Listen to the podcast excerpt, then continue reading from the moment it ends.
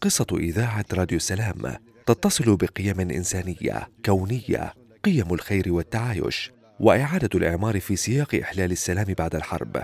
هي أشياء تمس كل الناس حتى الذين لم يعيشوا ظروف الحرب فإنهم يتأثرون بها.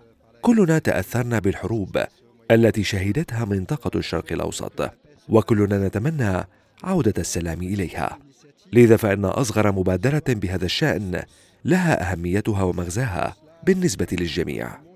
لقد تابعت عمل فريق راديو السلام عن قرب. رافقتهم فيما ينجزونه من تحقيقات.